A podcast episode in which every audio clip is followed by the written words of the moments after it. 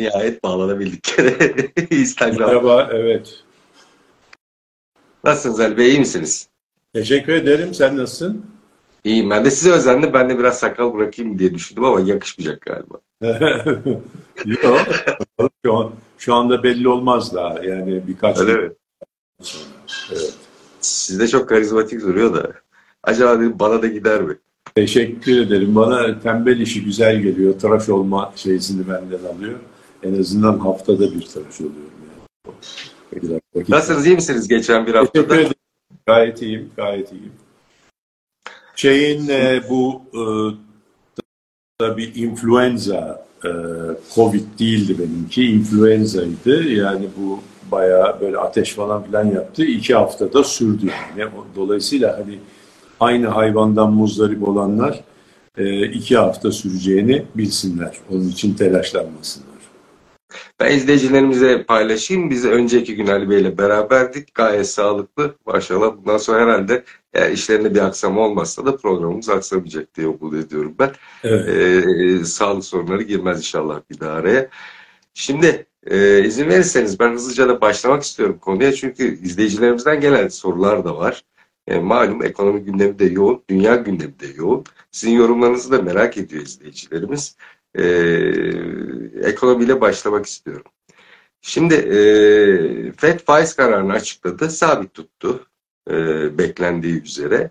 E, ve bu e, özellikle borsalarda ve kripto para piyasasında ve altın piyasasında pozitif etki yarattı.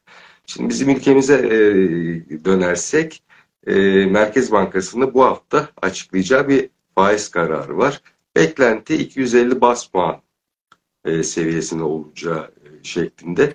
E, bu arada mevduat faizlerine de bunun yansıması olacak doğal olarak. Şimdiden 3 aylıklarda özellikle %50'nin üzerine çıkmış faiz oranları konuşuluyor. Mevduatlar için eğer e, yine bir e, 250 bas puanda yani 2,5 puanda artırış olursa e, aylık faiz oranlarında %50'ler civarında olacağının göstergesi. Siz e, aylardır e, yılbaşı ve sonrası ciddi bir durgunluk olacağını söylüyordunuz. E, bu mevduat faiz oranları da bu durgunluğu iyice körükleyecek gibi gözüküyor. Ne düşünüyorsunuz ekonomideki gidişat hakkında? Çünkü onunla ilgili başka sorularım olacak şimdi izleyicilerimizden gelen. Evet. Yani şimdi aslında bizim e, ekonomide iki tane e, ayrı dönemden bahsediyoruz. Hani daha öncekileri bir kenara bırakırsak Şahap Nebati dönemi diyelim.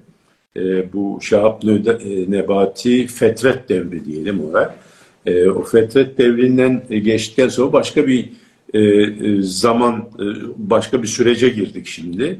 Bu Michelin şeflerinin geldiği, yani artık e, şeydeki dünyadaki finans piyasasının big shotları yani e, evet. şey Şimşek e, orada Big Shot e, Gaye Hanım da zaten e, şeyde Amerika'daki finans piyasalarında çalışmış önemli kurumlarda. E, bizim Cevdet Akçay zaten bizim bildiğimiz e, hakikaten bütün dünya finans piyasalarını e, çok yakından takip eden ve Türkiye'deki Merkez Bankası'nı da e, e, gölge Merkez Bankası Başkanı şeklinde izleyen Ondan sonra Hatice Hanım da e, değerli bir ekonomist. Dolayısıyla ekip iyi. Onlar da mutlaka altlarına çalışacakları, e, çalışabilecekleri, aynı dili konuştukları, yani ekonomi anlamında aynı dili konuştukları ki çok önemli bir komünikasyon. E, dolayısıyla o böyle bir ekip kurdukları, iyi bir ekip kurduklarından eminim yani. Dolayısıyla bu ekip e, mutlaka iyi şeyler yapacaktır. Zaten şu anda doğruları yapıyorlar. Şundan bahsedebiliriz. Ne kadar yavaş yapabiliyorlar, daha hızlı yapabilirler miydi falan filan bunlara gidebiliriz ama gittikleri yön doğru.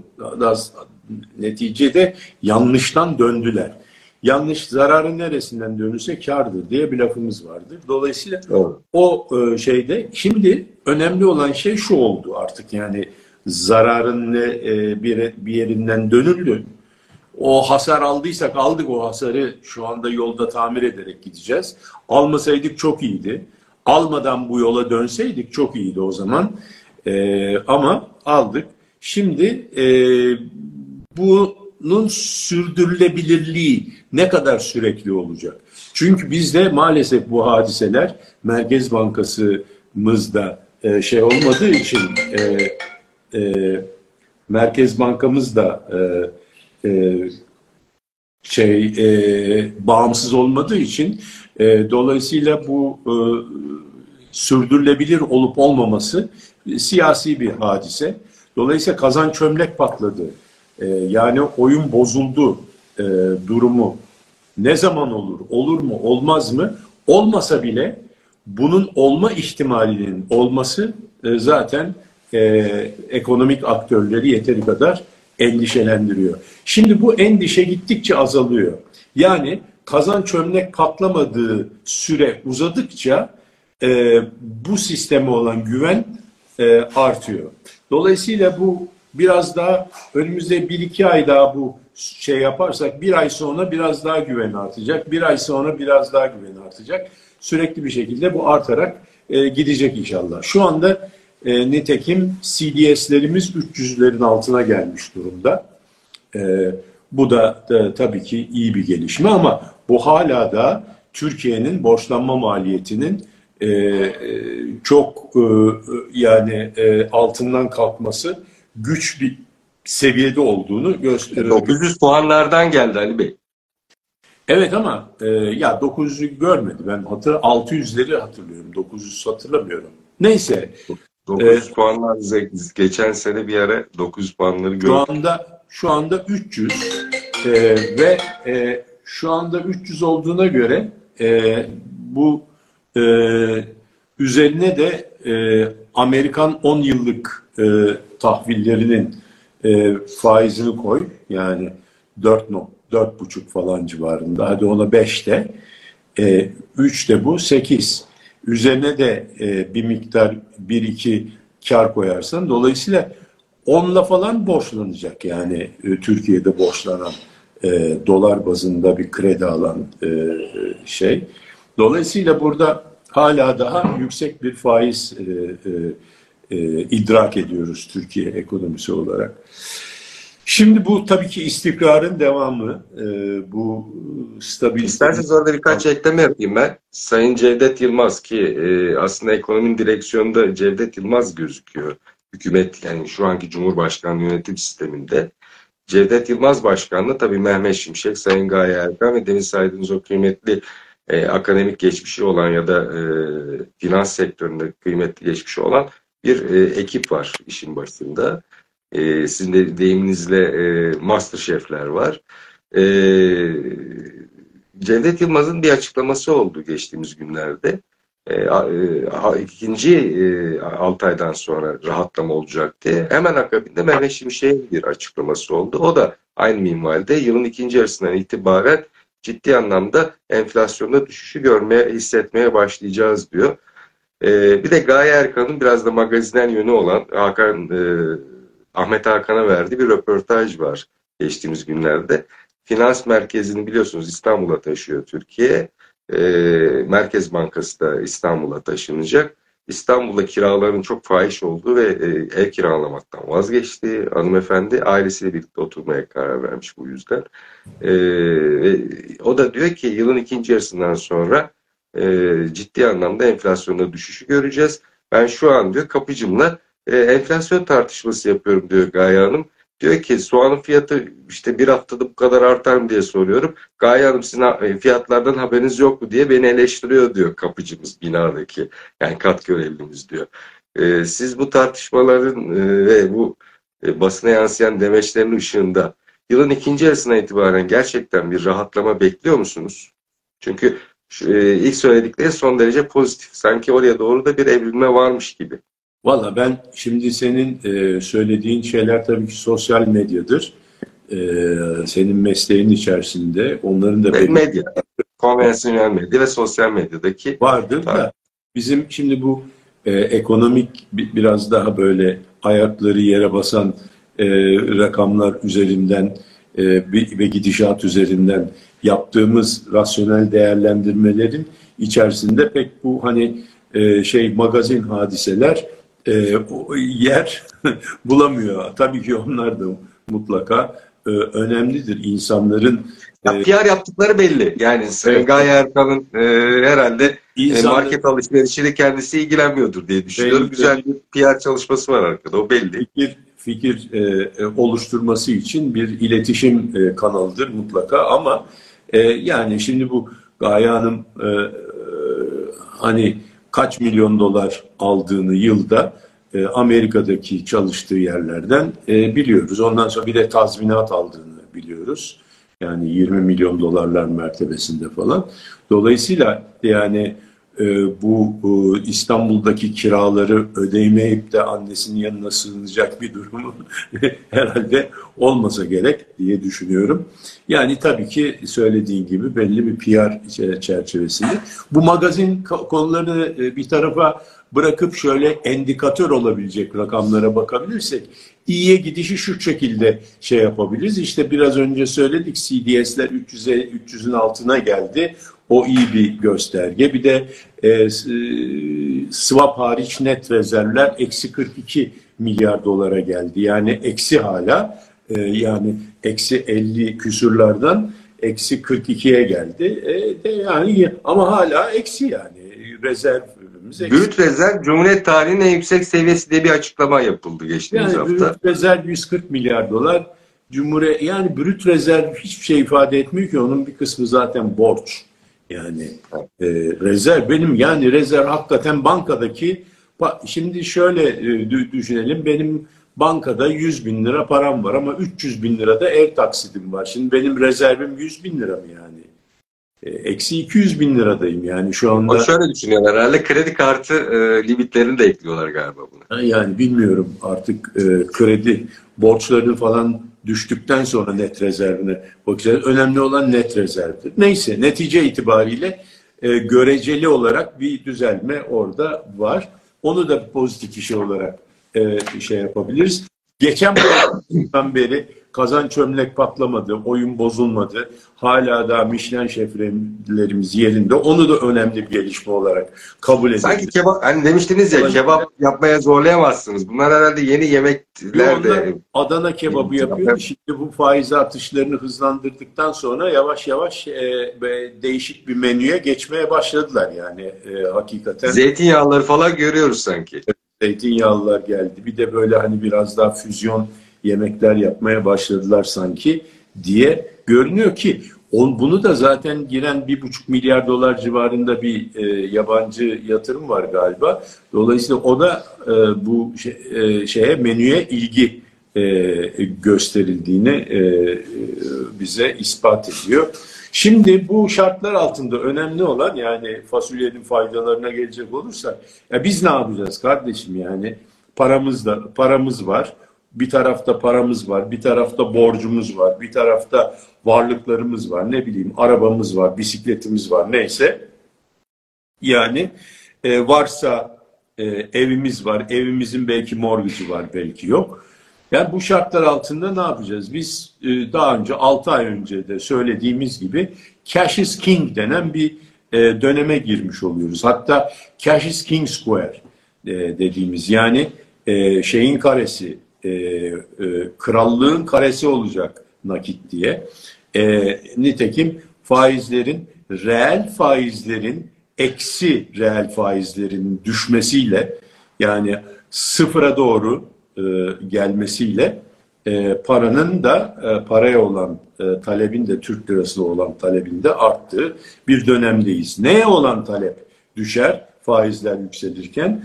E, dövize olan talep e, e, düşer veyahut da e, enflasyon oranında yükselmeyebilir. Şimdi bütün bunları bizim söylememize gerek yok. Bizim halkımız bu konuda çok tecrübeli. Herkes tek başına e, yarım ekonomist yani. E, çünkü bunu e, yıllardır yani e, 40-50 yıldır e, inip çıktığımız e, dalgalanmalarda döve döve öğrendik yani. Ne zaman parada durulacağını Türk lirasında ne zaman öbür tarafa geçirileceğini, ne zaman gayrimenkule geçeceğiz, ne zaman borsaya gireceğiz. Bunları bizden iyi bilen yok Avrupa'da. Buna inanın yani. Türkler kadar finans bilen, ekonomi bilen, e, hakikaten bir averaj Türk'ün bildiği ekonomi e, şu anda bir averaj Avrupalı'nın bildiği ekonomiden çok çok daha fazladır. Hem de böyle e, elleri üzerinde olarak böyle yapılan bir e, şey tecrübemiz var yani. Dolayısıyla şimdi burada o açıdan yani dayak yemiş olarak öğrenen Türk'ün e, açısından baktığımız zaman burada borsa görünüyor biraz. Çünkü neden borsa görünüyor? Kim geliyor? O, o, o noktada bir sorumuz var. Ee, çok kim, kim geliyor? Kim? Önce bir şey yapalım yani işin temelini... Çok özel. Aslında şeyle gireceğiniz konuyla çok alakalı. Çok uluslu bir şirketin üst düzey bir yöneticisi. Yani sadece e, Türkiye değil e, EMEA bölgesini uzun yıllar yönetmiş e, bir e, yönetici izleyicimiz. Öyle bir soru yöneltti size. Diyor ki e, rakamlar iyi işareti gösteriyor ama diye demin sizin söylediğiniz gibi o amaları da sıralıyor sorusunda. Ve e, ikinci yarısından sonra eğer diyor pozitif evrilme olursa borsa sanki daha çok ışık veriyor gibi. Ali Bey ne düşünüyor bu konuda diye size sormamızı istemişti. E, bunu da yöneltmiş olayım. Şimdi şöyle biz e, yani artık eskiden e, e, bir ekonomi yazarımız vardı Ali Rıza Kardüz diye e, yazılar yazardı, yazardı rahmetli oldu. Saf ve bakir e, Anadolu çocuğu olarak ben diye başlardı lafa. Saf ve bakir Anadolu çocuğu kalmadı benim söylediğim. Yani hepsi e, döve döve akıllanmış e, ekonomist çocuklar oldular e, bütün halkımız. E, dolayısıyla onlar şu anda çok güzel hesap yapabiliyorlar. Yani bizim onlara bir şey söylememize gerek yok. Enflasyon belli. Yüzde 72 civarında enflasyon var değil mi? Ee, şimdi e peki yüzde 45-50 sen dedin ki 50 olacak e, mevduat faizi. E, 50 olursa arada 22 e, spread e, bir kayıp var. Şimdi e, yani göz göre göre e, kayba girer mi girmez mi? Eskisine göre daha fazla. İşte 30 alırken şimdi 45 alıyor. E, aa çok güzel. E ama e, sen e, paranı yani zor kazanılmış parayı sen harcıyorsun yani. Şimdi bununla e, ne bileyim hani e, e, evini satsan veya bisikletini satsan ondan sonra o parayı faize koysan tekrar bir sene sonra e, bisiklet veya ev alamayacaksın yani aynı evi. E şimdi dolayısıyla bunu e, koyar mı koymaz mı? Aa çok böyle riskten ya benim paramın bir kısmı hani e, değerini kaybetsin, varsın, e, olsun. Ama ben bunu sağlam bir mevduat bankaya sağlam bir bankaya mevduata yatırayım diyen tabii ki olacaktır. Ya hep ya hiç değil bu. E, yüzde kaçı ne yapar? Paranın yüzde kaçı nereye gider hadisesi. Dolayısıyla burada tabii ki bir miktar faizler yükseldikçe mevduat faizi, mevduatı olan teveccüh bir miktar daha artacaktır. Ama burada millet dövizini bunun için bozup öbür tarafa henüz geçmeyecektir. Ama döviz konusunda da şunu söyleyelim. Faizlerin bu şekilde reel faizleri sıfırlama şeklinde sıfırlamaya doğru olan e, e, trendi gelişmeye devam ettikçe e, dövize olan talebin düşmesi beklenir. Çünkü dövizdeki hareket e, olmayacaktır. Eski hareketi göremeyeceğiz dövizde. Hatta belki bir miktar gerileme de olabilir. Yani şunun için e, e, e, gerileme olabilir e, diyoruz. Çünkü e, eskisine göre e, bir defa Türk lirası bir miktar tabii ki değer kaybetti eskiden bu yana. Yani 3.60'lardaydı 2015'lerde. E şimdi 8 yıl sonra e, geldiğimiz yer 30. Yani 9 misline e, 9 mislinden fazla e, değer kaybetti. Şimdi faizler eski, iki ay öncesine göre daha yüksek olduğuna göre burada e, dövizden bir e, e, bir miktar dönüş bekleniyor. KKM'den çıkışlara bakıyorum ben o noktada. E, ciddi oranda bir KKM'den çıkış başladı ama e, bunların normal mevduata dönüşüyle dövize dönüşü arasında ciddi fark var. Yani dövize dönüş daha fazla KKM'lerde. Şimdi e, bu hesabı yapan e, benim yatırımcım e, biraz daha belki risk alıp borsaya girmeyi deneyebilir. Yani borsaya girdiği zaman da paranın nereye geleceğini iyi tahmin etmek lazım. O da yabancı sermaye girecekse bir miktar daha Bu da yalnız Türkiye'deki konjonktüre bağlı olarak değil. Biraz önce bahsettin Fed'in e, faizleri artıp evet. bir e, Fed'in faiz düşürme e, sürecine girdiği takdirde orada para... yılın ikinci yarısından sonra 2024'ün ikinci yarısından sonra bu beklenen bir gelişme. Orada yine yani tabii ki bu e, şey prospekti gördükleri zaman yani şimdiden e, ön alıp e, bu e, üçüncü ülkelere girme e, şeysini de deneyebilirler bazı yatırımcılar. Evet. Ama tabii şeyler olmayan böyle çok sıkı kuralları olmayan çünkü bizim notumuz henüz yatırım kalitesinde değil. Hatta onun üç kademe altındayız şu anda. Yani junk dedikleri çöp e, şeysindeyiz, statüsündeyiz bizim ülkemizde yatırım e, e, şeysi, ratingi şu anda. Dolayısıyla ama bu her özel fon için geçerli değil, hedge fundlar falan var. Bunlar çok yani bizim kadememizdeki reytingleri olan ülkelere yatırım yapmaya izin veriyor onların ana sözleşmeleri. Dolayısıyla e, bunlardan e, bir miktar gelen olur. Çünkü dünyada trilyon trilyon dolar paralar var. Biz, bizim istediğimiz ihtiyacımız olan 25-30 milyar dolar yani. Dünya dünyadaki para piyasalarına baktığın zaman çekirdek fıstık parası falan. Şimdi bunlardan gelen olursa nereye girer? Borsaya girerse BIST 30'a BIST 100'e girer haydi haydi. Yani ama daha ziyade BIST 30'a girer. Dolayısıyla BIST 30 kağıtları e, daha şanslıdır böyle bir rally olacaksa diye düşünürüm.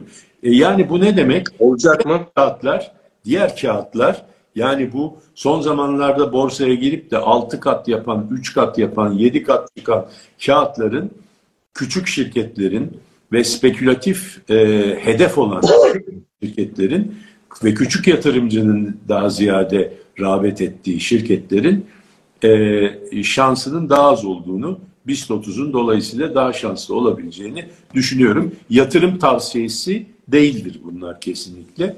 Şimdi e, yabancı sermaye gelirse nereye gelir? Sadece onu söylemiş olalım. Şimdi inşaat sektöründe faaliyet gösteren bir izleyicimiz e, bana yazdı. E, yüksek volümlü e, inşaat yatırımları yapıyorlar. E, daha sonra proje bittikten sonra satışlarını yapıyorlarmış. Yani biz e, şeyden satmıyoruz diyor izleyicimiz. E, maketten satmıyoruz. teslim zamanında satıyoruz diyor. Yine e, baya bir daireye sahip bir projeye başlayacaklarmış yılbaşı itibariyle. Ben diyor Ali Bey'e de danışmak isterim diyor izin verirse.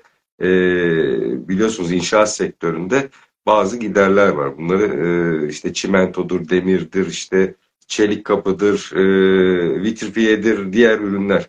Bunları da top, son birkaç yıldır olduğu gibi de toptan almaya devam edelim. Şimdiden stoklayalım.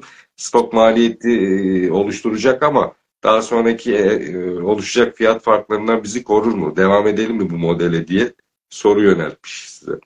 Şimdi bunu demin söylediğim hani cash is king square dedim ya yani nakit e, kralın kralıdır yani kralın karesi. Dolayısıyla o e, o şey içerisinde o anlamda bunu yorumlarsak bir stok yapmak değil de e, nakitte kalmanın daha e, e, e, bu ortamda avantajlı olacağını düşünebiliriz. Ama bu stok yapmayın e, e, demek değil. Şöyle yani sermayesini istediği gibi kullanmak hani e, şunun için söylüyorum.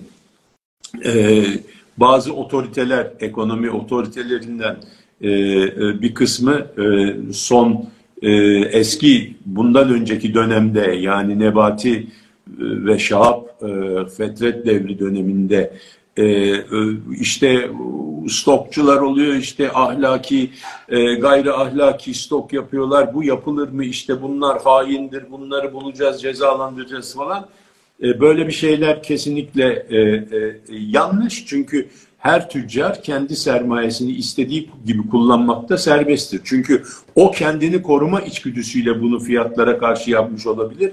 E peki sen bu, o, bunu yapmasa, bu yüzden de batsa elindeki e, alabileceği işlere karşılık gelen ham maddesini alıp koymadığı için e, batsa ve zarar etse sen onu karşılayacak mısın ki yani?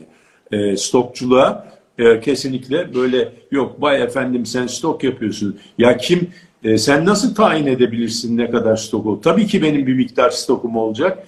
İşimi yapacak kadar stokum olacak. Ne kadar sermayem varsa tamamını stok yapmak için kullanabilirim. Bu gayet en doğal hakkım. Ama zaten benim lehime değil ki stok yapmak.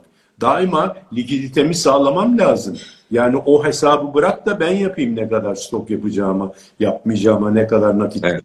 Ama dolayısıyla bir e, bu vesileyle tekrar e, söylemek istiyorum ki o stokçudur, haindir, yok bilmem nedir falan filan. Bunlar hepsi magazindir yani. Bunlar e, böyle e, ekonomik e, şeyler, e, e, kaideler veyahut da ekonomik söylemler değildir. Onun için stok yapmak mübah ama bu ortamda ben e, malzeme fiyatlarının parasal e, durum sıkılaştıkça e, düşme ihtimalinin daha fazla olacağını e, düşünürüm yani. O, e, o, o şekilde bir tav tavsiyede bulunabilirim. Şimdi özellikle kobi sektöründe faaliyet gösteren şirketlerin e, sahipleri ve yöneticilerinden gelen bir soru var. Çünkü özellikle kobilerin e, artık gözü kulağı yarın bir önemli toplantı olacak. E, veriler konuşulacak. E, asgari ücret e, zamları.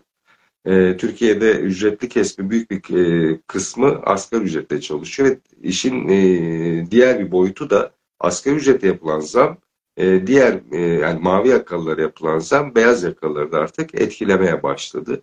Çünkü onların altında, onların zam oranının altında da beyaz yakalılar doğal olarak zam artışı kabul etmiyorlar. E, Cevdet Yılmaz'ın dün basına yansıyan bir açıklaması var. Sizin e, programlarda sürekli dikkati çektiğiniz o e, faiz sarmalı yani ücret e, faiz sarmalı o da vurgu yaparak şunu söylemiş. Ücret evet, biz, fiyat sarmalı. Ücret fiyat evet, sarmalı. Ücret fiyat sarmalı o da e, dikkati çekerek bir açıklama yapmış. Demiş ki tabii ki e, ücretlerimizi e, enflasyona karşı ezdirmemek için elimizden geleni yapacağız. Ancak şu da var. Her türlü e, ciddi artış e, o sarmalı sürekli e, devam ettirecek. E, dolayısıyla da herkes taşın altına elini koymak zorunda. Önceliğimiz enflasyonu dizginlemek ve aşağıya çekmek.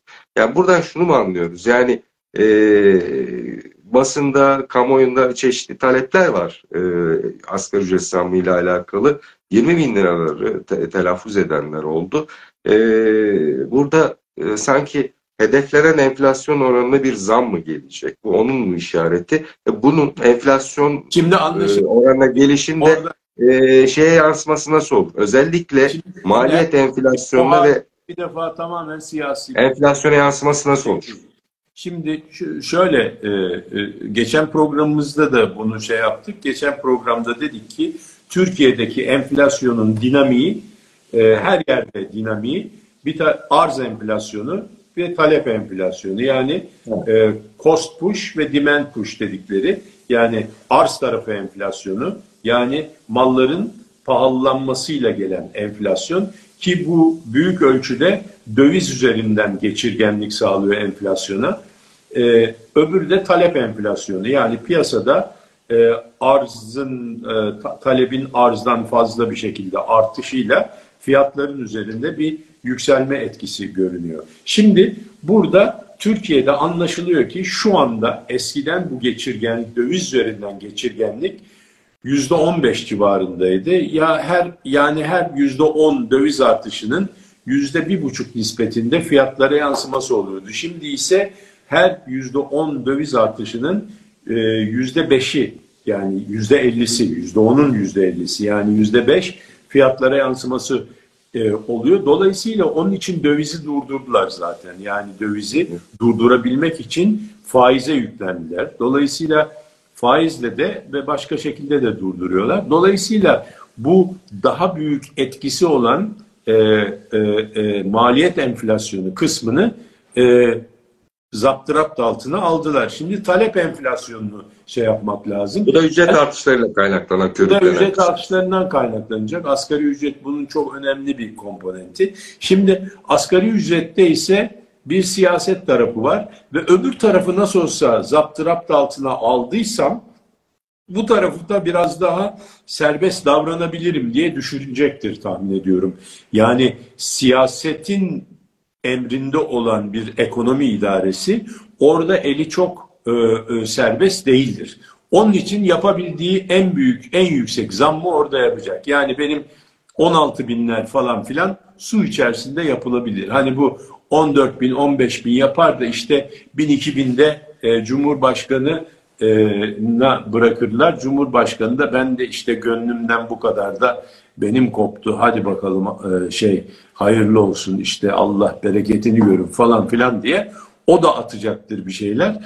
Dolayısıyla burada mutlaka e, tahmin ettiğimizden veyahut da enflas, anti enflasyonist bir politikanın e, icap ettirdiği faiz oranı şey artış oranından daha yüksek bir artış yapılacaktır. Yani ben şu anda bir rakam e, telaffuz etmek istemiyorum ama e, o konuda biraz daha serbest oldu şu anda ekonominin eli. Çünkü onu e, onu verip yüksek faizle piyasadan çekme yoluna gittiği konusunda bir e, şeyim var, gözlemim var. Yani birden faizleri böyle ufak ufak arttırırken iki buçuk, iki buçuk, beş artırması, önce bir beş sonra iki buçuk artırması. Evet. Demek ki piyasadaki faizi arttırıp onu tasarrufa çekmek isteyecek.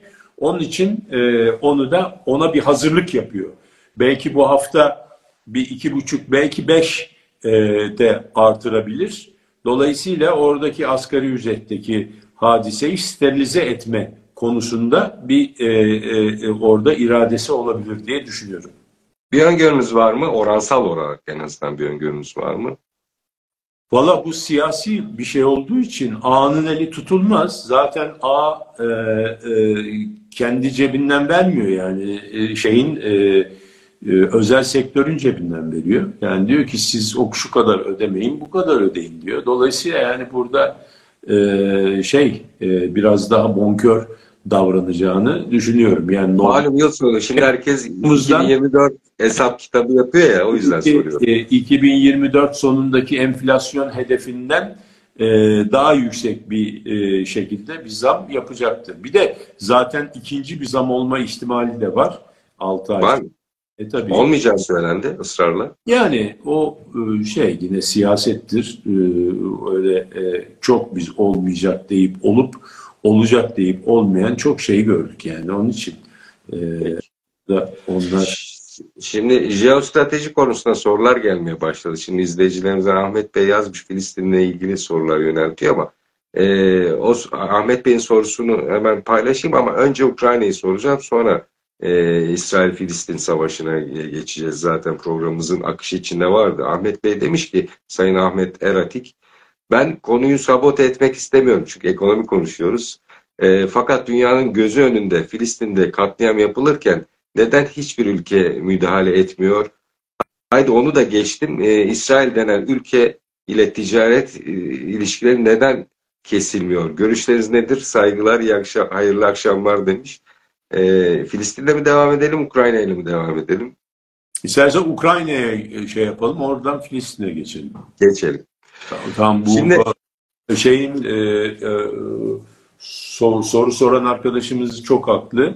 Hakikaten bu çok e, yani e, çok üzücü bir hadise. Yani dünyanın özellikle Arap dünyasını ve Müslüman dünyanın bu konuda kesinlikle bir e, elini e, parmağını kıpırdatmaması hatta Avrupa'da ve Hristiyan dünyasında Avrupa, hatta Amerika'da bile ve İsrail içerisinde bile bu konudaki protestolar e, yani arşa çıkmışken e, Arap dünyasından bir ses gelmemesi ve Müslüman ülkelerden bir ses gelmemesi hakikaten yani utanılacak bir durum onu söyleyeyim.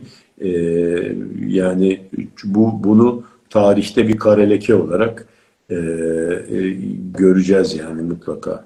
Diyelim bir NATO ile şey e, Ukrayna...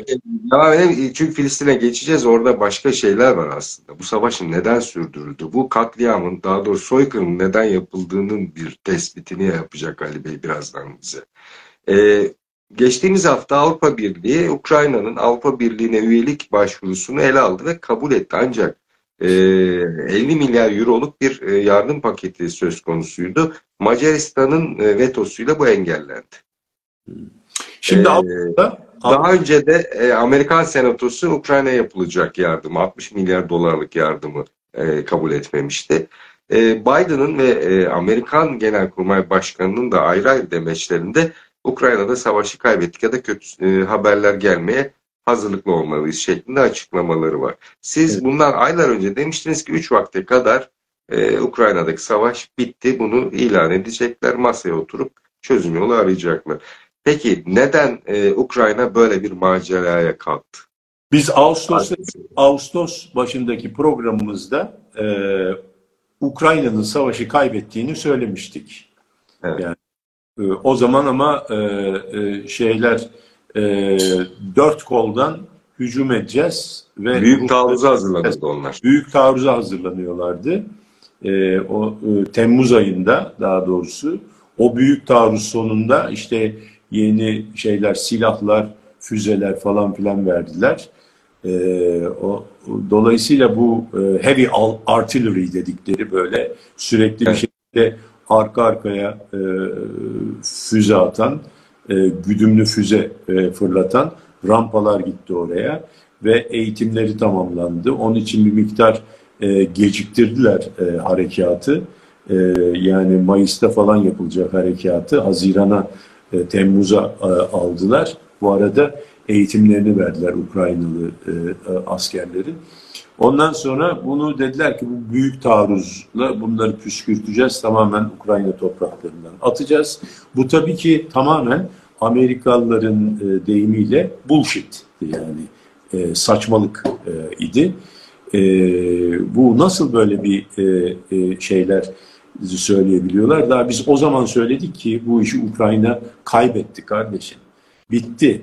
Rusya kazandı bu şey. Yarım milyon vatandaşını kaybetti savaşta. Şimdi netice Askerler. itibariyle e, Milyarlarca dolar e, borç altına girdi. aynen e, öyle oldu. Neticede bir baktık ki e, zavallı Ukrayna e, burada bilançoya baktığımız zaman hani bu şey derler cinayet işlendiği zaman ki bono derler. Kim bu işten faydalanıyor ona bakacaksın. Kim faydalanıyor? Ki bono. Şimdi kim faydalanmış? İlk önce biz bakalım kim zarar görmüş. Ukrayna. Mahvoldu Ukrayna. 500 bin Perişan. kişi öldü. Ondan sonra e, bütün altyapısı e, e, Darmadağın. bir kısmı altyapısının bombalandı. Yani Kiev ve batı taraflarda bir şey yok. Ama doğu taraflardaki e, altyapısı tamamen bombalandı. Muazzam bir yeniden e, yapılanma ihtiyacı var. E, bir sürü borcu birikti. Bir kısmı hibe olarak geldi yardımın, bir kısmı borç olarak geldi. Yani e, Toprakların %20'sinden fazlasını kaybetti. insani zararlarından sonra artık e, yani parasal zararlarından konuşmak bile e, e, çok e, şey olmuyor yani anlamlı olmuyor. E, ve bir başıbozuk devlet haline geldi. Yani Ram State dedikleri başıbozuk devlet. Yani şu E, anda Gördük milletvekili e, bir il, el bombası attı. Milletvekili bu adam yani. Evet evet yani e, yani dolayısıyla e, e, bu Ram State haline getirmek de Putin'in e, şeysiydi, e, e, hedefiydi. Çünkü e, Putin aslında hatırlayalım neden girdi oraya? Ha Batı niye bu e, şey? Ondan sonra bakalım yani en kötü Ukrayna. Ondan sonra en kötü Avrupa. Avrupa ne oldu? Kendi ucuz enerji kanallarını bombalattırdı. Bombalattırdı diyorum çünkü müsaade etti. Sesini çıkarmadı. Amerika orayı bombaladı. Nord Stream'u. E, ondan sonra e, a- Rusya pazarını kaybetti. Almanya sesini çıkarmadı. Rusya ile olan bütün ticaretini kaybetti. Oradaki kurmuş olduğu yıllardan beri yapmış olduğu yatırımları e, geri çekmek zorunda kaldı. Yatırımları geri çekemedi. Hepsi orada kaldı. Şirketlerini geri çekti. Oradaki faaliyetlerini kapamış oldu. Yani bu muazzam zararlar söz konusu Avrupa tarafından. Hem Fransızlar hem İtalyanlar hem Almanlar en çok Almanlar bu işten zarar ettiler. Bir de üstüne üstlük bir sürü e, 50 milyar euro da oraya yardım yaptılar. Onu ne zaman alırlar, alırlar mı almazlar mı geri o paraları belli değil. Dolayısıyla ikinci en kötü durumda olan da bu işten Ukrayna Savaşı'ndan e, Avrupa oldu. Üçüncü esas kazançlı çıkan kim oldu? Amerika. Amerika Birleşik Devletleri. Neden? Çünkü onlar gerçi 100 milyar dolar yardım ettiler ama onu bir cebinden alıp öbür cebine koydu. Yani Amerika silah sattılar yani. Silah evet firmalarına e, kontrat yaparak işte General Dynamics, Ray, e, Raytheon e, ondan sonra gibi e, silah firmalarına yaptıkları ödemelerle kendi üretimlerini artırmış oldular. İstihdamı e, ve büyümeyi e, sağlamış oldular. Yani e, olan zavallı Ukraynalılara ve Avrupalılara olduğu. Şimdi bunun sebebi nereden, nasıl insanları böyle bir şeye getirdiler? Dediler ki ya kardeşim ey Avrupalılar uyanın. Bak zaten eski Rus Çarlığı'nın, Rus İmparatorluğu'nun arkasından gelen so Sovyet Sosyalist... Ama şimdi şurada var. Avrupa'da ciddi bir Rus korkusu vardı dediğiniz gibi. Yani Polonya'ya da girecek ondan sonra. Sonra Berlin'e kadar gelecek Ruslar diye bir korku vardı. Aynen. Hatta Fransa'nın en saygın gazetesinde şöyle bir şey yayınlandı. Makale yayınlandı. Paris'e kadar gelecekler. Yani dünyanın en e, geniş kara sınırına sahip 150 milyon nüfuslu Ruslar yani Mümkün mü? Atış serbest yani. Paris'e gelir, ondan sonra Lizbon'a gider, orada bir yemek yer. Ondan sonra İtalya'ya geçer, şarabını içer falan filan. Bunlar böyle e, bilmiyorum hangi çocuklar inanıyor buna da. Şimdi tabii ki onlar da şunu e, e, örnek alıyorlar. E, İkinci Dünya Savaşı'ndan sonra e, Rusya e, biliyorsun Çekoslovakya'ya, Macaristan'a, Polonya'ya girdi.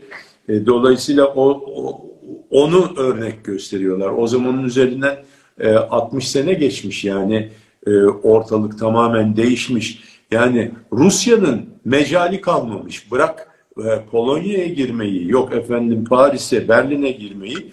Yani Ukrayna bile onun için başına bela. Bugün gümüş... 90 bin kişiyle girdi Ukrayna'ya. Yani 90 bin kişiyle Ukrayna işgal edilemez. Bu da onun onun belgeli, belgesi de o. Yani şimdi bir defa en az ihtiyacı olan şey toprak. O topraklardan kurtulabilmek için Türkmenistan'ı, Kırgızistan'ı, şeyi, Azerbaycan'ı hepsini e, şey yaptı, serbest eyledi Rus e, Sovyet Sosyalist Cumhuriyetler Birliği. Çünkü kendisi 130 milyon nüfusla sahip olacağı toprak parçasından çok daha fazla e, toprağı var şu anda. Teritorisi buradan çıkıyorsun. Japonya'ya kadar Rusya'dan çıkmadan gidebiliyorsun. E, yani. Bir defa Çin sınırını korumaktan aciz şu anda. Orada da problemler var o yüzden yani. Çin yürüdüğü takdirde bütün Sibirya'ya kadar girer. Hatta Ural dağlarına geliverir yani. Hiç e, şakası yok. Dolayısıyla Rusya'nın kalkıp da Ukrayna'yı almak, bir de oradan Polonya'ya falan filan yani bu bir bu hikayeye hakikaten çocuklar bile inanmaz. Zaten hani bırak ona inanmadın, ona inandın diyelim o hikayeye. E, bunu 190 bin kişiyle mi yapacaktın? Sınıra yığdığı e, şey ordu 190 bin kişi. E bu Hitler Polonya'ya girdiği zaman 1939'da bir buçuk milyon askerle girdi. Yani sen bir milyon askerden aşağıya girersen senin e, Ukrayna'yı işgal etmen mümkün değil. Dolayısıyla bu çok belliydi. Zaten kendisi de söyledi. Dedi ki Bizim amacımız kesinlikle Ukrayna'yı falan, Ukrayna'nın toprağında gözümüz yok. Ukrayna'nın neutrality'si yani bağımsızlığı bir arada NATO ile aramızda... Tampon bölge olsun bize, tarafsız olsun. Evet, evet, aynen. Ee, e, yani bu şey, e, daha sonra ama böyle e, e, şey yapacağız, e, taarruz edeceğiz, bilmem ne yapacağız deyince e, 2022'nin sonunda 300 bin kişi daha e, gönderdi sınıra. O da içeri girmediler, sınırdalar. Ondan sonra da bu, bu senede 420 bin kişi daha askere aldı. Hazır tutmak üzere. Bu taarruzdan, maruzdan bahsettiler falan filan diye. Ama bunların hiçbirisi Rusya'ya girmedi. Yani ben niye üzülüyorum ben, biliyor musun Gül Bey? Bu noktada geçtiğimiz Mart ayında İstanbul'da çok güzel bir barış anlaşması imzalandı. E, siz daha önceki programlarda da anlatmıştınız bunu. E, şey geriye döndü ülkesine.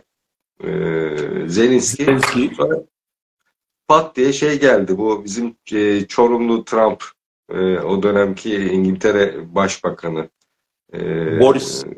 Boris Johnson Johnson. ve ikna etti ve büyük taarruza girmeye ikna etti. O barış anlaşmasını yırttı attı Zelenski. Bu süre içinde de belki 300-400 bin askerini kaybetti. Ve daha da fazla toprak kaybetti. Kümülatifte herhalde %20'den fazla şu an kaybettiği toprak Kırım ve Donbas'ı sayarsak. Evet %25 civarında e, toprak kaybetti. Şimdi oturmuş bekliyor Rus yani Ruslar. Putin bekliyor. Ne zaman masaya gelecekler diye. E, geldikleri zaman da imzayı atacak yani. NATO'yla aramızda tampon bir devlet olarak şey yapacak. Ama e, belki Donbas'tan bir miktar daha Donbas'ı da koruyabilmek için bir, bir miktar daha batıya giderek belki Ukrayna'nın toprağının yüzde yirmisini değil de yüzde otuzunu, otuz otuz beşini falan koyacak. Yani şimdi bunlar Amerikalılar bakar mısın Batı ne yaptı Ukrayna'ya? Batı'nın yüzünden Kırım'ı kaybetti. Donbas'ı kaybetti. Lugansk'ı kaybetti. Tamam mı? 500 bin askerini kaybetti. Ee, ümidini kaybetti. Endüstrisini kaybetti. Altyapısını kaybetti. Bir ülkeyi berbat ettiler yani. Hakikaten bunu tarih herhalde e, nasıl yazacak ve bu tarihi bu yük altında e, Amerikalılar ve Batı e, nasıl kendilerini aklayacaklar? Valla görmek istiyorum yani. Hakikaten bu böyle çok üzücü bir hadise ve bu görülemez bir hadise değildi. Biz buradan bağırdık yani. İki senedir bağırdık. Savaş çıkmadan önceden bağırıyoruz. Yani NATO'nun genişlemesini durdurması lazım. Aman şey e, Gürcistan'ı ve Ukrayna kırmızı çizgiler. Adam söylüyor diyor ki Ukrayna'ya da hadi bunları yaptınız işte orayı burayı aldınız işte e, şey e, Polonya'yı şurayı burayı hepsini soktunuz. Dört dalga genişleme yaptınız. Ama eğer Ukrayna'ya girerseniz çok kötü e, bizim şeyimizdir oraya müdahale etmek zorunda kalırız. diye e, yüz defa söyledi adam yani. Nitekim söyledi değil sadece yaptı da Gürcistan'a e, Gürcistan'da bu turuncu devrimi yaptıkları zaman tankları yürütüverdi. Bitirdi işi yani gördüler orada görmüş olmaları gerekir. Adamın hakikaten bu konuda ciddi olduğunu.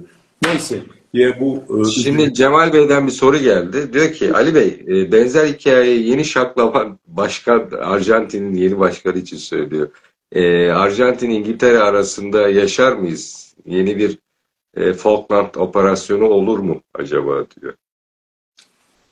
Vallahi bilmiyorum ama e, yeni e, Eli miydi adı neydi e, adamın e, şey yeni Arjantin. Merkez Bankası'nı kapatacaktı vazgeçti. Çin'i kovacaktı ülkeden. Şimdi Çin'den swap anlaşması imzalamak için geçen hafta Çin Devlet Başkanı Evet, yani bilmiyorum şimdi Amerikan e, e, yanlısı bir e, e, kardeşimiz o.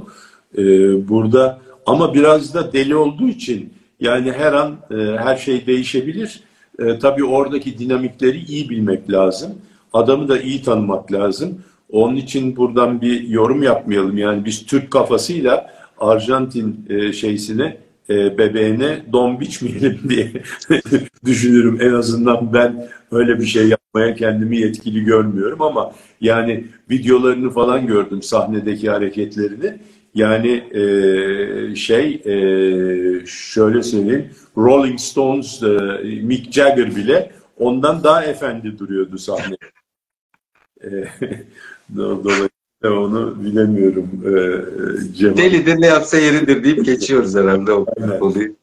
Şimdi İsrail, demin e, Ahmet Bey'in e, sorduğu soruya dönelim. Yani e, göz göre göre bir e, soykırım var e, Gazze'de. E, İsrail bunu niye yapıyor? Sadece bu e, antisemitizme karşı bir hareket ya da kendini savunma hareketinin önüne geçmiş bir şey var. Çünkü e, her ne kadar e, bütün dünya e, Yahudilere karşı ciddi bir cephe alsa da Musevi ve Yahudilerin içinde de ciddi anlamda bu yaşanan soykırıma karşı çıkan e, sivil toplum kuruluşları, think tank kuruluşları, e, bilim adamları, akademisyenler var. Ciddi raporlar yayınlamaya başladılar ve Netanyahu iktidarını eleştiriyorlar. E, İsrail içinde de ciddi bir şey başladı, e, muhalefet başladı. Ama hal böyleyken e, İsrail e, hükümeti, e, Netanyahu iktidarı e, orada bir katliam yapıyor. Bunu destekleyen de e, onların din adamlarından e, açıklamalar var. Bu sanıldığı gibi sadece bir terör örgütüne karşı ya da e, Hamas biz terör örgütü olarak onlar e, niteliyor. Biz de diyoruz ki seçilmiş bir hükümet. E, Gazze yönetimine karşı kendini savunma refleksi mi yoksa orada bir gerçekten kasıtlı e, teamülden ya da uluslararası dilde teamülden bir şey mi var? E, soykırım mı var? Şimdi e,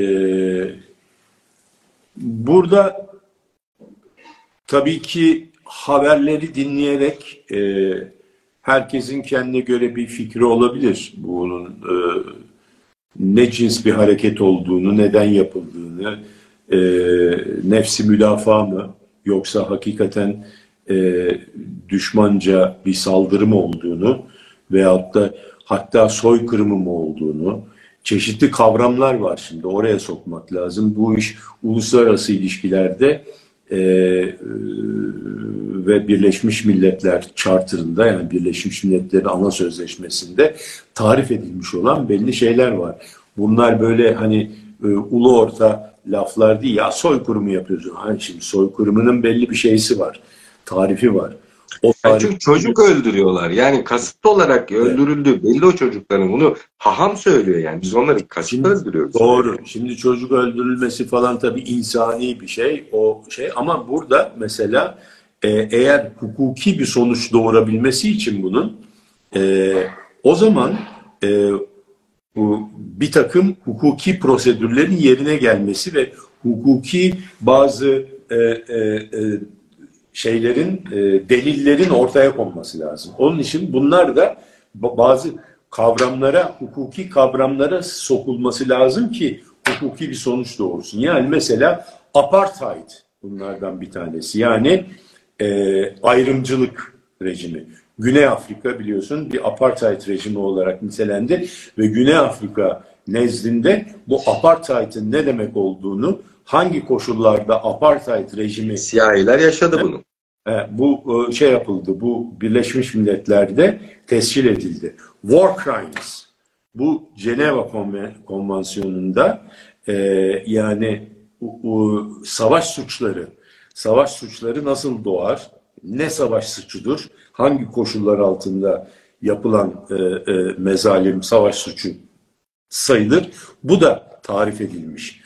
Etnik temizleme, ethnic cleansing dedikleri veya ethnic, ethnic cleansing dedikleri e, hadise. Bir de e, soykırımı dedikleri, genocide dedikleri hadise. Yani şimdi yarın bu işler bittikten sonra e, tabii ki bunlarla ilgili davalar açılacak. Bunlarla ilgili Birleşmiş Milletler'de olsun International Criminal Court e, e, işte e, uluslararası e, mahkemede bunlarla ilgili davalar açılacak. O zaman bunlarla ilgili raporlar ortaya çıkacak delilleriyle birlikte. Şimdi burada ne delil var? Gördüğümüz şu ana kadar gördüğümüz İsrailli yetkililerin konuşmaları zaten başlı başına delil. Çünkü bunlar bakanlar, e, görevdeki komutanlar, eski e, emekli komutanlar, parlamento üyeleri ve hakikaten hükümetin yetkili kimselerinin kullandıkları dil ve ifadeler birer itiraf niteliğinde. Yani bunlar apartheid'i itiraf ediyor, uluslararası savaş suçlarını itiraf ediyor falan filan. Bir de bunların söyledikleri ifadeler var. Bir de önemli bazı e, akademisyenlerin ve bu konudaki otoritelerin e, yazmış oldukları raporlar var. Mesela bir tanesi e, Omar Barton diye birisi. E, Bartov, Omar Bartov, Holocaust uzmanı. E, yani şey e, soykırım, soykırım uzmanı. E, bunun yazdığı bir raporda da genocidal intent diyor. Yani e, şey e, neden e, e, e, e, niyetiyle soykırımı niyetiyle saldırı diyor. Şimdi dolayısıyla e, Hamas'ın peşine gitmek bir şey, e, sivilleri öldürmek başka bir şey. Ama İsrail diyor ki ben Hamas'ın peşine gitmiyorum diyor. Orayı diyor dümdüz edeceğim diyor. Yani bir cezalandırma kampanyası. Diyor ki yani ben siz Hamas'ı seçtiniz madem seçmeseydiniz ben sizi cezalandırıyorum diyor. Ve ondan sonra diyor ki çocukları evet çocukları öldürüyorum çünkü diyor o çocukları öldürmesem babasını öldürdüm diye o çocuk yarın terörist olacak diyor. Şimdi bunların hiçbirisi e, yani e, onları kurtaracak cevaplar değil yani bu savaş suçları, insanlığa karşı işlenen suçlar konusunda bunlar hiçbir zaman bir müdafaa mekanizması birer argüman kesinlikle değil. Nedir peki o zaman? O zaman e, yine bazı akademisyenlerin e, e, yaptıkları yorumlarda diyorlar ki İsrail aslında e, bunu bir e, yani e, bir e, tepkisel bir e, şey olarak, duygusal bir tepki olarak cezalandırmak için, efendim intikam almak için yapmadı. Bunu bir şey haline getirdi. Bunun bir rasyoneli var. Yani rasyoneli de Filistinlileri Batı Şeria ve Gazze'den komple atmak. Çünkü burada toplam 7.3 milyon Filistinli var. Yani Batı Şeria ve Gaza'yı topladığın zaman toplam 7.3 milyon Filistinli var. 7.3 milyonda Yahudi var. E, dolayısıyla burada demokrasiye izin vermez İsrail hükümeti. Yani çünkü demokrasi olursa o zaman eşit haklara, haklara sahip olurlarsa nüfus o, olarak daha çok tabii, e, yani, hale gelmeye başlarlar. Filistinlilerin e, sayısal çoğunluğu bakımından burada İsrail'in demokratik bir idareye izin vermesi siyasi olarak düşünülemez. İşte bunu izole etmek için etnik temizliğe girişti e, diye bir tez var. Yani bunun Hamas'a, her şıkta bunun Hamas'a karşı e, yapılan bir harekat olmadığı, bütün Filistin halkına karşı yapılan bir hareket olma, olduğu kesin. Bir de antisemitik hikayesi var. Yani buradaki bu kavramları bu işleri değerlendirmek için e, hani magazin olan bir sürü tabii ki sosyal medyada şey var eski e, işte e, Holocaust e, kurbanlarının konuşmaları işte e, İsrail içindeki İsraillerin Filistin e, e, lehine konuşmaları ondan sonra işte bir sürü işte komedyenlerin e, ve e, gazetecilerin falan filan konu hepsi doğru. Caddedekilerin konuşmaları, efendim Londra'da, e, New York'ta, hatta Texas'ta e, ve şeyde e, hakikaten birçok Amerika'nın e, şeylerinde, eyaletlerinde yapılan e, şeyler, mitingler var. E, Pro-Palestine, e, Filistin e, e, lehine, İsrail aleyhine. Ama neticede hepsi gelecek, toplanacak. Bu kavramlar üzerinde e, bir değerlendirme yapılacak. Bütün tozlar, bulutlar yere indikten sonra. Yani bunlar apartheid, e, e, ondan sonra yani ayrımcılık, ondan sonra genocide, işte efendim soykırım, e, e, e, e, savaş suçları ve insanlığa karşı işlenmiş suçlar kategorisine gireceğiz. Bir de antisemitizm diye bir şey var. Çok kötü bir şey. Tamamen şahsi olarak karşı olduğunu söyleyeyim. Yani Yahudi düşmanlığı. Yahudi karşıtlığı diye şey yapıyor. Aslında Sami, e, Sami dediğin zaman antisemitist yani o Araplar da o bölgenin insanları hepsi ama burada Yahudilerin de karşı olan düşmanlıktan bahsediliyor. Çok kötü bir şey. Her türlüsüne kesinlikle karşıyım, karşıyız. Ama ne zaman karşıyım ona? Eğer düzgün bir tarifi olursa karşıyım. Yani bunu esnetmişsen sen, e, efendim işte Netanyahu'nun politikasını e, şey yapmaya, e, eleştirmeye başladığın anda antisemitik diye bana e, kalkarsan aya ve o zaman ben antisemitik, e, antisemitikim kardeşim yani o zaman. Yani o tarifine uymuyorum. E, anlatabiliyor muyum? Antisemitik yani, ka, yani kafadan e, şey olarak, prensip olarak Yahudi düşmanlığı, antisemitizm. Ama bu işte Netanyahu'yu eleştiremeyecek misin? İsrail'in politikasını eleştiremeyecek misin? Yahudilere karşı değilsin. Bir sürü Yahudiyle e, aynı fikirdesin hatta. E, ama insanlığa karşı işlenmiş bir suç varsa, e, bir çocuklar öldürülüyorsa, e, kusura bakma yani orada e, eleştiri hakkımızı kullanalım ve bunu durdurmak için insani olarak elimizden ne geliyorsa yapalım, biz de destek olalım e, diyeriz. Buna antisemitik diyerek durdurmayı e, dünya da kabul etmiyor zaten. Ama maalesef bazı ülkeler siyasi e, bazı menfaatleri veyahut da bazı zorlamalar neticesinde bu konularda biraz daha e, tole, İsrail'e çok büyük bir tolerans göstererek maalesef e, davrandıklarını görüyoruz. Bunların en büyüğü de yani en ayıp, ayıplanacak olanı da Arap ve Müslüman ülkelerin bu konudaki hakikaten aldıkları duyarsızlık. E, duyarsızlık. E, fakat şunu söyleyebiliriz ki dünyanın ezici çoğunluğu İsrail karşısında bir tek Avrupa ve e, Amerika, e, Batı ve birkaç tane işte ada ülkesi falan filan bunlar nedense e, pro İsrail falan e, da, davranmaya devam ediyorlar. E, ama e, bunlardan çıktığı zaman Birleşmiş Milletler'de de görünüyor zaten. Yani dünyanın ezici çoğunluğu e, bir defa İsrail'in bu politikalarına sadece bu şu anda yapılan bombardımanı değil, son 50 yılda ki yapılan mezalime, e, apartheid rejimine e, e, karşı olduklarını hem halk olarak hem hükümetler olarak ifade ediyorlar. Şimdi bunu yapan hani insanlar işte sokaktaki e, e, kameraya gelen konuşan insanlar falan filan değil. E, bunu yapan ciddi kuruluşlar var. Amnesty International yani Uluslararası Af Örgütü yazdığı raporda İsrail'in e, suçunu sabit gördü. Apartheid suçunu. Human Rights Watch diyor. İnsan hakları e, e, takipçisi olan e, kurum.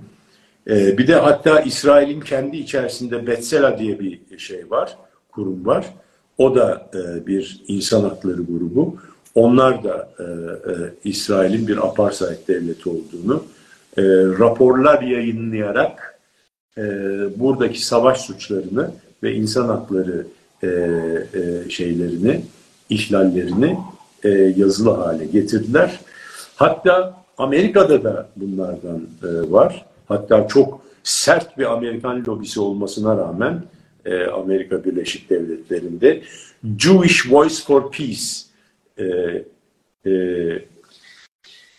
barış, Yahudilerin barış sesi diye bir e, şey var. Bir de Not in my name, benim adıma değil e, diye bir örgüt var. Bunlar çok yoğun protestolar yapıp e, şeylerini, eleştirilerini dile getirmiş olan ve bu konuda e, resmi raporları yayınlamış olan kuruluşlar. Yani işin özü aslında e, etnik olarak e, Filistinlerin çoğunluğu ele geçirmesinden duydukları endişe sebebiyle gerekçe arıyorlardı. E, Hamas o gerekçeyi onlara sundu.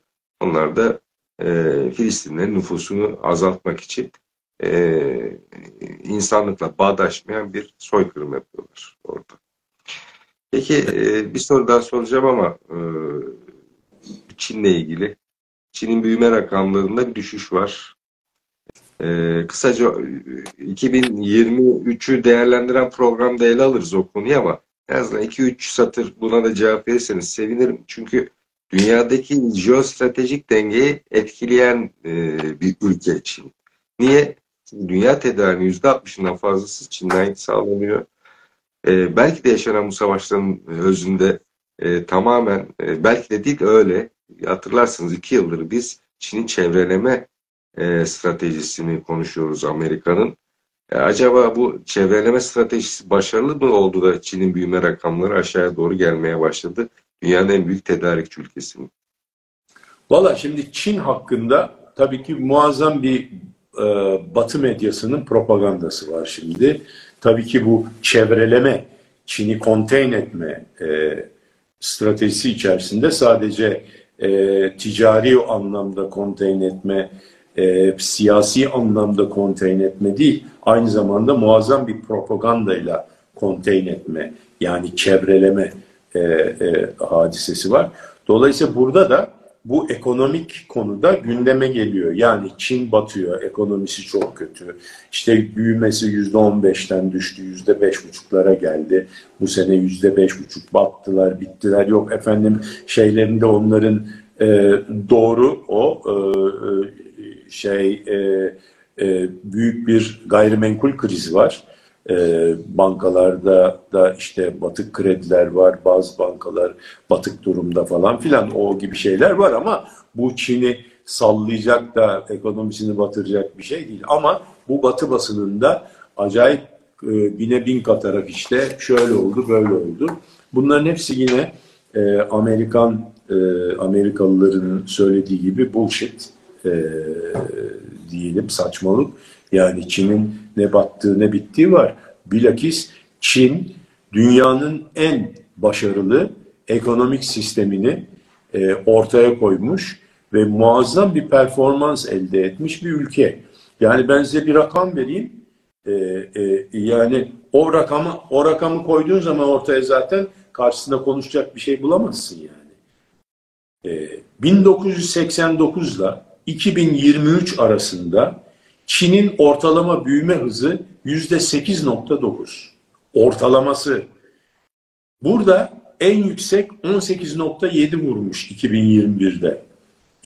2021 yılında Çin 18.7 büyümüş. Arkadaşlar yani şimdi e, 1990'da e, Sovyet Sosyalist Cumhuriyetler Birliği yıkıldığı zaman dedik ki ya komünizm battı yine en iyisi şeymiş kapitalizmmiş dedik. Şimdi bunun hala aynı şeyi söyleyebilir miyiz acaba bilmiyorum yani.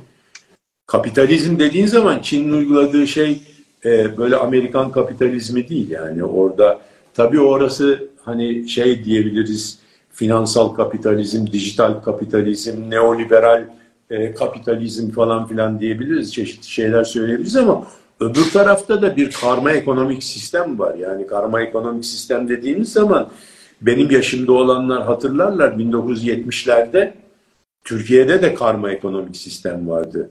Devlet tekeli vardı. Rakıyı tekel yapardı. Şarabı tekel yapardı. Yani o şarapta bir şey vardı. Bir e, özel sektöre bir e, marjı vardı ama rakıyı tekel yapardı. Ondan tekel kanyağı vardı. Tekel viskisi vardı falan filan. Bazı şeyler tekeldi. E şeyler e, e, işte e, devlet su işleri, sular idaresi, ondan sonra e, karayolları, stasyon idaresi, elektrik, e, bütün enerji devletin elindeydi. Bütün barajlar falan. Aslında model bizde varmış da biz bunu kullanamamışız. Evet biz kullanmışız. Ondan sonra da tükaka ettik. Bak dedik en güzeli şeymiş kapitalizm demiştik. Kapitalizm nedir ona girmek lazım yani hakikaten. Şimdi esas analiz yapmak için kapitalizm nedir? İşte e, bir piyasa ve fiyatların serbestçe arz ve talebe göre teşekkül ettikleri bir yer e, e, piyasa olan ve devletin fiyatlar üzerine karışmadığı bir e, sisteme kapitalizm dedi en geniş anlamda. Fakat başka tarifleri de var kapitalizmin. Dolayısıyla burada yani çok kategorize, çok sağlıklı kategorize etmemiz mümkün değil. Yani Çin'deki sistemin adını koymamız öyle üç kelimede mümkün değil. Evet kapitalizm, evet e, şey var, bir e, e, e, piyasa ekonomisi var. Ama bir taraftan da devletin müdahil Regülasyonu var. var. Finans sektöründe devlet müdahil mesela. Mesela herkesin Merkez Bankası var. Çin'in Merkez Bankası yok. Yani Bank of China var. Çin Bankası ama o Merkez Bankası fonksiyonu değil. Merkez Bankası fonksiyonunu yani hazine, Çin'in hazinesi falan filan görüyor. E, o şekilde. E, bir de devlet bankaları var. Yani dolayısıyla selektif bir kredi mekanizmasını devreye sokan devletin bankaları var. Ziraat, vakıf, Halk Bankası bunlar var. Anlatabiliyor muyum? Onlar bizim hala elimizde. Şimdi dolayısıyla Çin bu sistemle yerli ve milli de yaptı. e, teknolojiyi de transfer etti. Her şeyi yaptı ve bunu bir miktar merkezi planlama yaparak yaptı. Ha, şimdi kapitalizmle komünizm arasında e, ki e, bazı e, şey nüanslara geliyoruz. O da merkezi planlama ise komünizmdir. Merkezi planlama yoksa kapitalizmdir. Böyle de ayırabiliriz. Şimdi dolayısıyla ama Çin bunun ikisini bir denge içerisinde yaptı. Ve yani kardeşim şey rakamlara karşı bir şey yapamazsın. Yüzde 8.9 ortalama büyümüş. Kim büyüdü bu kadar? Kimse büyüyemedi. 1989 ile 2023 arasında 11-23'te 34 sene boyunca yüzde 8.9 enflasyonsuz büyümüş. Yani kabul edilebilir bir enflasyonla büyümüş. Biz şurada yüzde 6 büyüyelim, 7 büyüyelim dediğimiz zaman enflasyonumuz fırlıyor. Hadi tekrar gerisin geriye oturuyoruz. Dolayısıyla onlar bu işi büyük ihtimalle bu iş, bu konu aslında ekonominin şu anda konusu ve önümüzdeki 10 yıl hani, çok tartışılacak. E, doğrusunun ne olduğu şu andaki üçüncü dünya ülkeleri tarafından Amerika'daki kapitalizm değil, Çin'deki karma ekonomik sistem veyahut da hibrit sistem olduğu düşünüyorum. Ben üçüncü e, e, e, şey e, üçüncü dünya ülkesi olsam Afrika'da Amerika'ya falan bakmam Çin'e bakarım ne yapıyorlar diye. Şimdi ben sizin anladık, anlattıklarınızdan şunu çıkardım. Yani diyorlar ya Cumhuriyetimizin e, kuruluş dönemindeki fabrika ayarlarına dönmesi gerekiyor. E, yani doğruymuş o söylemler. Yani bizdeki uygulanan model aslında Çin'de şu an halihazırda uygulanan bizim terk ettiğimiz e, model Çin'de halihazırda uygulanan ve dünyada ama doğru uygulanıyor. Doğru uygulanıyor. Modelmiş. Şimdi bir soru daha geldi. O da e, Cemal e, Aile e, Başkan'dan geldi. Acaba Vallahi diyor Hamas... Saat 10 dakikayı bulduk. Tam e, bitirme zamanımız geldi. Bir soruyu evet. ama. Cevaplayalım. E, Hamas diyor acaba e, İsrail ve Netanyahu'yu tuzağa mı çekti? Çünkü dünyada e, dünya tarihinde ilk defa İsrail ve e, onu yöneten bir iktidar bu kadar e, eleştirilir hale geldi diyor. Kesinlikle doğru. Aynı şekilde katılıyorum. E, tabii insani bir perspektiften bunu söylemek birazcık e, şey e, zor ama yani hani bu kadar insan öldü ama Hamas e, neticede eğer sadece siyasi gözlükle bakarsan e, hakikaten Hamas'ın yaptığı çıkış burada e, bütün dünyanın e, oklarını İsrail. Yani burada bir satranç oyununu Hamas çok iyi bir hamleyle e, şey yaptı. Yani iyi bir hamle değil sonunda ölen insanlara baktığın zaman yani batsın bu hamle diyor insan ama yani e, neticede sadece çok gayri insani açıdan baktığın takdirde e, evet doğru hamle mi? Doğru hamle. Onları yani İsrail'i e, kötü anlamda e, kışkırtarak e, onu dünyanın kabul edemeyeceği bir harekata zorladıysa eğer bununla e, Hamas e, o, o, o açıdan yani siyasi açıdan başarılı olduğu denilebilir ama e, bu kadar da e, kadın ve çocuk öldü yani onları da acımak mümkün değil. Benim sorum kalmadı. İzleyicilerden de artık soru gelmedi. Ee, ben size çok teşekkür ediyorum. Ee, zamanında bayağı bir e, geçirdik. Ağzınıza sağlık. Ali Bey çok teşekkür ederim. Öncelikle size iyi haftalar diliyorum. Ee, ve bütün izleyicilerimize iyi haftalar diliyorum. Kaçıranlar programımızın kurgulanmış tekrarını Ekonomist TV'nin e, YouTube, Facebook ve LinkedIn'deki sayfalarından yarından itibaren izleyebilir. Spotify'dan da dinleyebilirler. Ya da bütün bu adreslere ulaşmak istiyorsanız da ekoanalisttv.com'u ziyaret etmeniz yeterli. Hoşçakalın. İyi haftalar. Dünyada ekonomik sistemler değişiyor. Kapitalizm, komünizm, karma ekonomik e, yeni sistemlere bakacağız.